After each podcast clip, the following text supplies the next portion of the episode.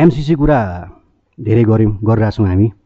म two thousand सेभेन्टिनमा मैले एउटा आर्टिकल लेखेको थिएँ एमसिसीको बारेमा काठमाडौँ पोस्टमा पवन रोयजीसँग।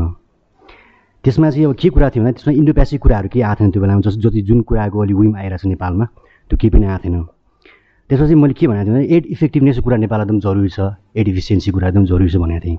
लगभग अहिले कुरा गर्दाखेरि चाहिँ अब यो एमसिसीले एफसीमा चाहिँ मलाई लाग्छ अहिले तिन चारवटा कुराहरू आकर्षित भयो। एउटा लिगल पार्ट हो यसको। एउटा यसको जियो पोलिटिकल पार्ट छ एउटा यसको एड इफेक्टिभ इफिसियन्सीको पार्ट छ भने अर्को डोमेस्टिक पोलिटिक्सको पार्ट छ। अब लिगल पाटोमा अस्ति श्रीमद दालजीले आएर भनिसक्नुभयो धेरै कुराहरूमा। अब सबभन्दा मेजर कुरा पार्लियामेन्टबाट किन रेक्टिफाई गर्ने पार्लियामेन्टबाट किन रेक्टिफाई गर्ने कुरामा चाहिँ म चाहिँ नेपालको सबै आउने एडहरू पार्लियामेन्ट रेक्टिफाई गर्नुपर्छ भन्छु। यसले ब्रोडर अनरसिपको लागि नेपालमा जसरी एडहरू बाहिरबाट आउँछ र जुन तरिकाबाट चाहिँ हामी एडलाई लिन्छौँ जुन हल्का लिन्छौँ चाहिँ काठमाडौँबाट चाहिँ पोखराको चाहिँ टिकट काटे हुन्छ। हामी चाहिँ काठमाडौँबाट नेपालमा टिकटको बिल बनाएर जसरी हामी काम गरिरहेछौँ इफेक्टिभनेसमा त्यो त्यो किसिमको चाहिँ हाम्रो एडको कुराहरू छ। त्यसले गर्दा चाहिँ यसलाई ब्रोडर अनरसिपको लागि चाहिँ आउनुपर्छ। सबै एडहरू नेपालको फरेन फरेन कर्पोरेसनहरू चाहिँ जानुपर्छ जस्तो लाग्छ मलाई पार्लियामेन्टबाट। अर्को जियो पोलिटिकल कुराहरूमा के छ भन्दाखेरि ट्वेन्टी सेभेन्टिनमा जब ट्रम्प ट्वेन्टी सिक्सटिनमा जब ट्रम्प आइसकेपछि ट्रम्प त अब एन्टी चाइना नै देखियो उनको एप्रोच चाहिँ प्रेसिडेन्सियल क्याम्पेनदेखि नै त्यो भएको हुनाले सेकेन्ड इयर पछि उनको एकदम एग्रेसिभ रूपमा चाइनालाई काउन्टर गरे काउन्टर गरेपछि नेपालमा चाहिँ यो एउटा नेपालको लेफ्ट पोलिटिसियन अथवा लेफ्ट धारका मान्छेहरूले चाहिँ बढी एमसिसलाई विरोध गरेको देखियो। जसमा चाहिँ अब एउटा मान्छेको डोमेस्टिक पोलिटिक्समा एउटा आफ्नो सर्भाइभलको लागि पनि गर्ने जस्तो देखियो भने अर्को चाहिँ अब मिडियामा आएर यसो केही कुरा बोल्न पाए पनि यसो जे अब नेपालमा फेरि सोसियल मिडियामा चाहिँ अलिकति कन्ट्राडिक्ट्री कुराहरू कन्ट्रोभर्सियल कुराहरू हावादारी कुराहरू बतासी कुराहरू गर्दाखेरि चाहिँ अलिकति अगाडि बढ्छ। अगाडि बढिन्छ भन्ने खालको सोच पनि छ। र त्यही गर्दा त्यसले गर्दा पनि एमसिसीमा बोलेरै मान्छे कतिजना मान्छे रातारात हिरो पनि भए त्यो कुरा इन्ट्रेस्टिङ छ। अब मलाई मैले चाहिँ अब एडलाई जहिले पनि अहिलेको इन्टरनेसनल ट्वेन्टी फर्स्ट सेन्चुरीमा मैले एडलाई मैले चाहिँ तिनवटा चुरामा हेर्ने गरेको छु। एउटा डेभलपमेन्ट हो एउटा डिफेन्स र डिप्लोमेसी हो। कुनै पनि विदेशीले कुनै पनि देशलाई अनुदान दिन्छ भने तिनवटा कुरा मिसिएर आएको हुन्छ। डेभलपमेन्ट छ त्यहाँनिर त्यो डिफेन्सको कुराहरू पनि छ र त्यो डिप्लोमेसी पनि छ। र त्यो कुरालाई सेग्रिगेट गरेर आफ्नो इन्ट्रेस्टमा कसरी ढाल्ने भन्ने कुरा त्यो त्यो लिने देशको कुरा हो। त्यो दिने देशको कुरा होइन। र अर्को महत्त्वपूर्ण कुरामा चाहिँ एड जहिले पनि गुड फेथमा गरिन्छ गुड फेथमा लिइन्छ र विन विन सिचुएसनमा एड लिन्छ। यो जिरो सम गेम होइन। एमसिसी भनेको न कुनै नेपाली अहिलेसम्म कुनै पनि एडहरू जिरो सम गेम होइन। यो सबै विन विन गेमहरू हो। यसलाई हामीले यसरी बुझ्नु पऱ्यो र मलाई लागेको अर्को इन्ट्रेस्टिङ कुरा भने चाहिँ युएसले चाहिँ यसरी हल्का रूपमा यो अमेरिका यसरी उपस्थित भयो नेपालको एमसिसीको विषयमा डिप्लोमेट कहिले इन्डो पेसिफिक स्ट्राटेजीको अङ्ग भन्ने कहिले नभन्ने मलाई लाग्छ अमेरिकाले यसमा करेक्सन गर्नुपर्छ। नेपालमा नेपालको डिप्लोमेसीमा अमेरिकामा एकदम हल्का रूपमा उपस्थित भयो। यो नेपाल चाहिँ खम्पाको बेलाको नेपाल नाइन्टिजको बेलाको नेपाल अब चाहिँ जुलिया च्याङ आएर नेताहरूलाई इङ्ग्लिस पढाउने खालको नेपाल होइन अहिले चेन्ज भइसक्यो नेपाल। त्यो कुरा बुझ्नुपर्छ जस्तो लाग्छ मलाई। र अर्को कुरा महत्त्वपूर्ण चाहिँ इन्डो पेसिफिक यो एमसिसीलाई इन्डो पेसिफिक स्ट्राटेजीको चाहिँ अनरसिप चाहिँ डिफेन्स डिपार्टमेन्टले अमेरिकन डिपो डिफेन्स डिपार्टमेन्टले लियो जुन चाहिँ पेन्टागनले बढी लियो। जसले गर्दा चाहिँ अब हामीलाई थाहा छ संसारमा अमेरिका इन्गेजमेन्ट धेरै ठुलो आउँछ ठुलो देश हो धेरै शक्तिशाली देश हो। इम्पेरियल रोम भनिन्छ उसलाई रोम पछि सबभन्दा शक्तिशाली देश मानिन्छ। त्यसले गर्दाखेरि चाहिँ मान्छेहरू डरायो अब डिफेन्स डिफेन्स डिपार्टमेन्टले पेन्टागनले भनेको कुरा साँच्चीकै आर्मी हान्छ कि हो भन्ने खालको डरायो यो खास युज कुरा चाहिँ अमेरिका व्हाइट हाउसबाट प्रचार हुनुपर्थ्यो यो कुराहरू चाहिँ। त्यो त्यो चाहिँ भएन अमेरिका पक्षबाट। मलाई लाग्छ अमेरिकाले त्यहाँनिर हेर्नुपर्छ। र जस ट्वेन्टी फिफ्टिनमा पनि इन्डियाले नेपाललाई पुरानै एङ्गलबाट हेर्दाखेरि जुन किसिमको समस्या उत्पन्न भयो त्यही किसिमको फेस फेस चाहिँ अहिले अमेरिकाले नेपालमा गरिरहेछ। त नेपाल धेरै चेन्ज भइरहेछ। नेपालमा रियाक्सनरी पोलिटिक्स पनि चेन्ज नेपालमा रियाक्सनरी पोलिटिक्स पनि बढिरहेछ। नेपालमा चाहिँ इन्टेलेक्चुअल कुराहरू पनि नेपालमा बढिरहेछ।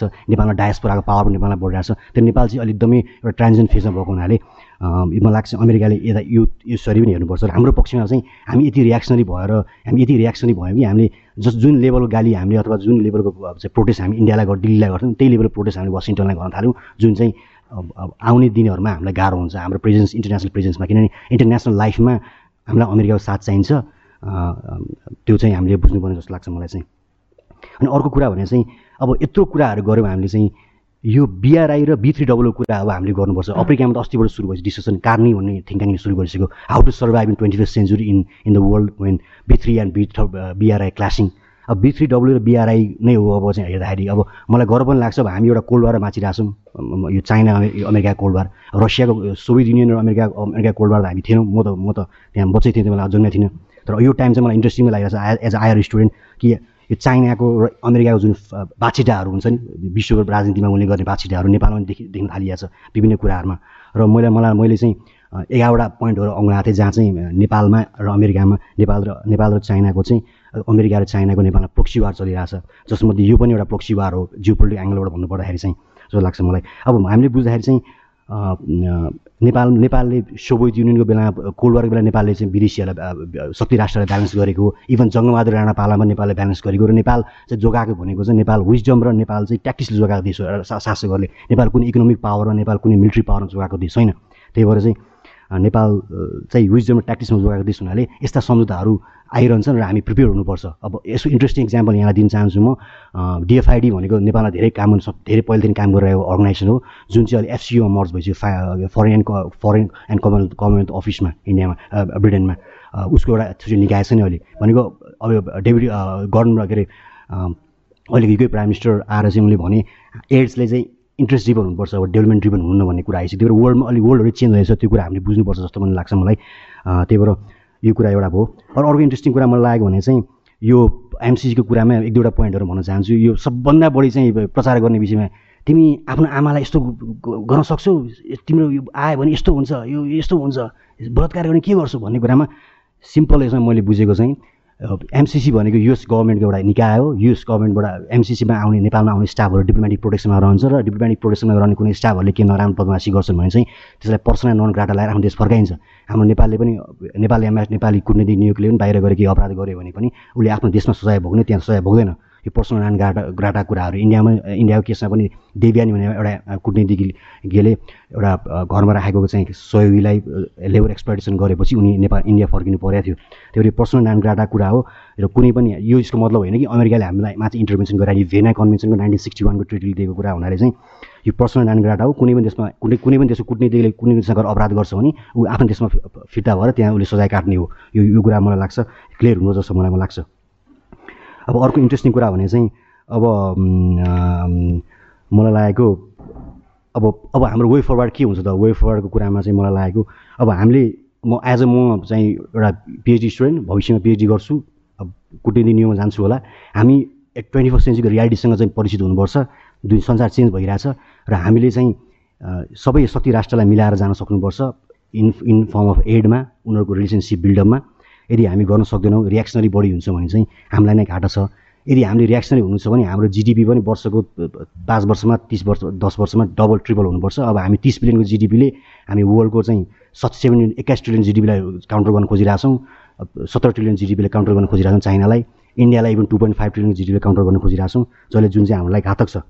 त्यही भएर पार्लियामेन्ट रेक्टिफि रेक्टिफिकेसन कुरामा चाहिँ जानुपर्छ ब्रोड ओनरसिपलाई जानुपर्छ जस्तो मलाई लाग्छ। अरू अनि अब अर्को भने चाहिँ नेपालमा चाहिँ इन्डिया चाइना र युएसको चाहिँ अब ट्राइलाइट्रल किसिमको चाहिँ एउटा चाहिँ कोल्ड वार चलि चलि नै रहन्छ जियो पोलिटिकल हिसाबमा। हामीले चाहिँ अब यसलाई चाहिँ डिहाइफेनेसन पोलिसी अर्थात् इन्डिपेन्डेन्टली हामीले डिल गर्न सकेन भने चाहिँ यो समस्याहरू आइ नै रहन्छ। हाम्रो चाहिँ फरेन पोलिसीमा थिङ्क ट्याङ्क स्पेसहरू बढाउनु पऱ्यो। फरेन पोलिसीको थिङ्किङहरू स्पेस बढाउनु पऱ्यो जस्तो मलाई लाग्छ। अब समग्र भन्दाखेरि चाहिँ यदि हामीले आफ्नो स्किलिङ अप आफूलाई गरेनौँ हाम्रो क्यापेसिटी बिल्डअप गरेनौँ सधैँ ड सधैँ हावादारी कुरा बतासे कुरामा लाग्यो भने चाहिँ हाम्रो दुर्गति चाहिँ नजिक छ टाढा छैन। र संसारमा हामीलाई थाहा छ संसारमा चाहिँ देश बना कन्ट्रोल गर्न सकिएन बनाउन सकिएन भने देश नक्साबाट गायब पनि भएको छ। र त्यो कुरा हामीले बुझ्नुपर्छ संसार धेरै अगाडि बढिरहेको छ। हस् थ्याङ्क यू धन्यवाद।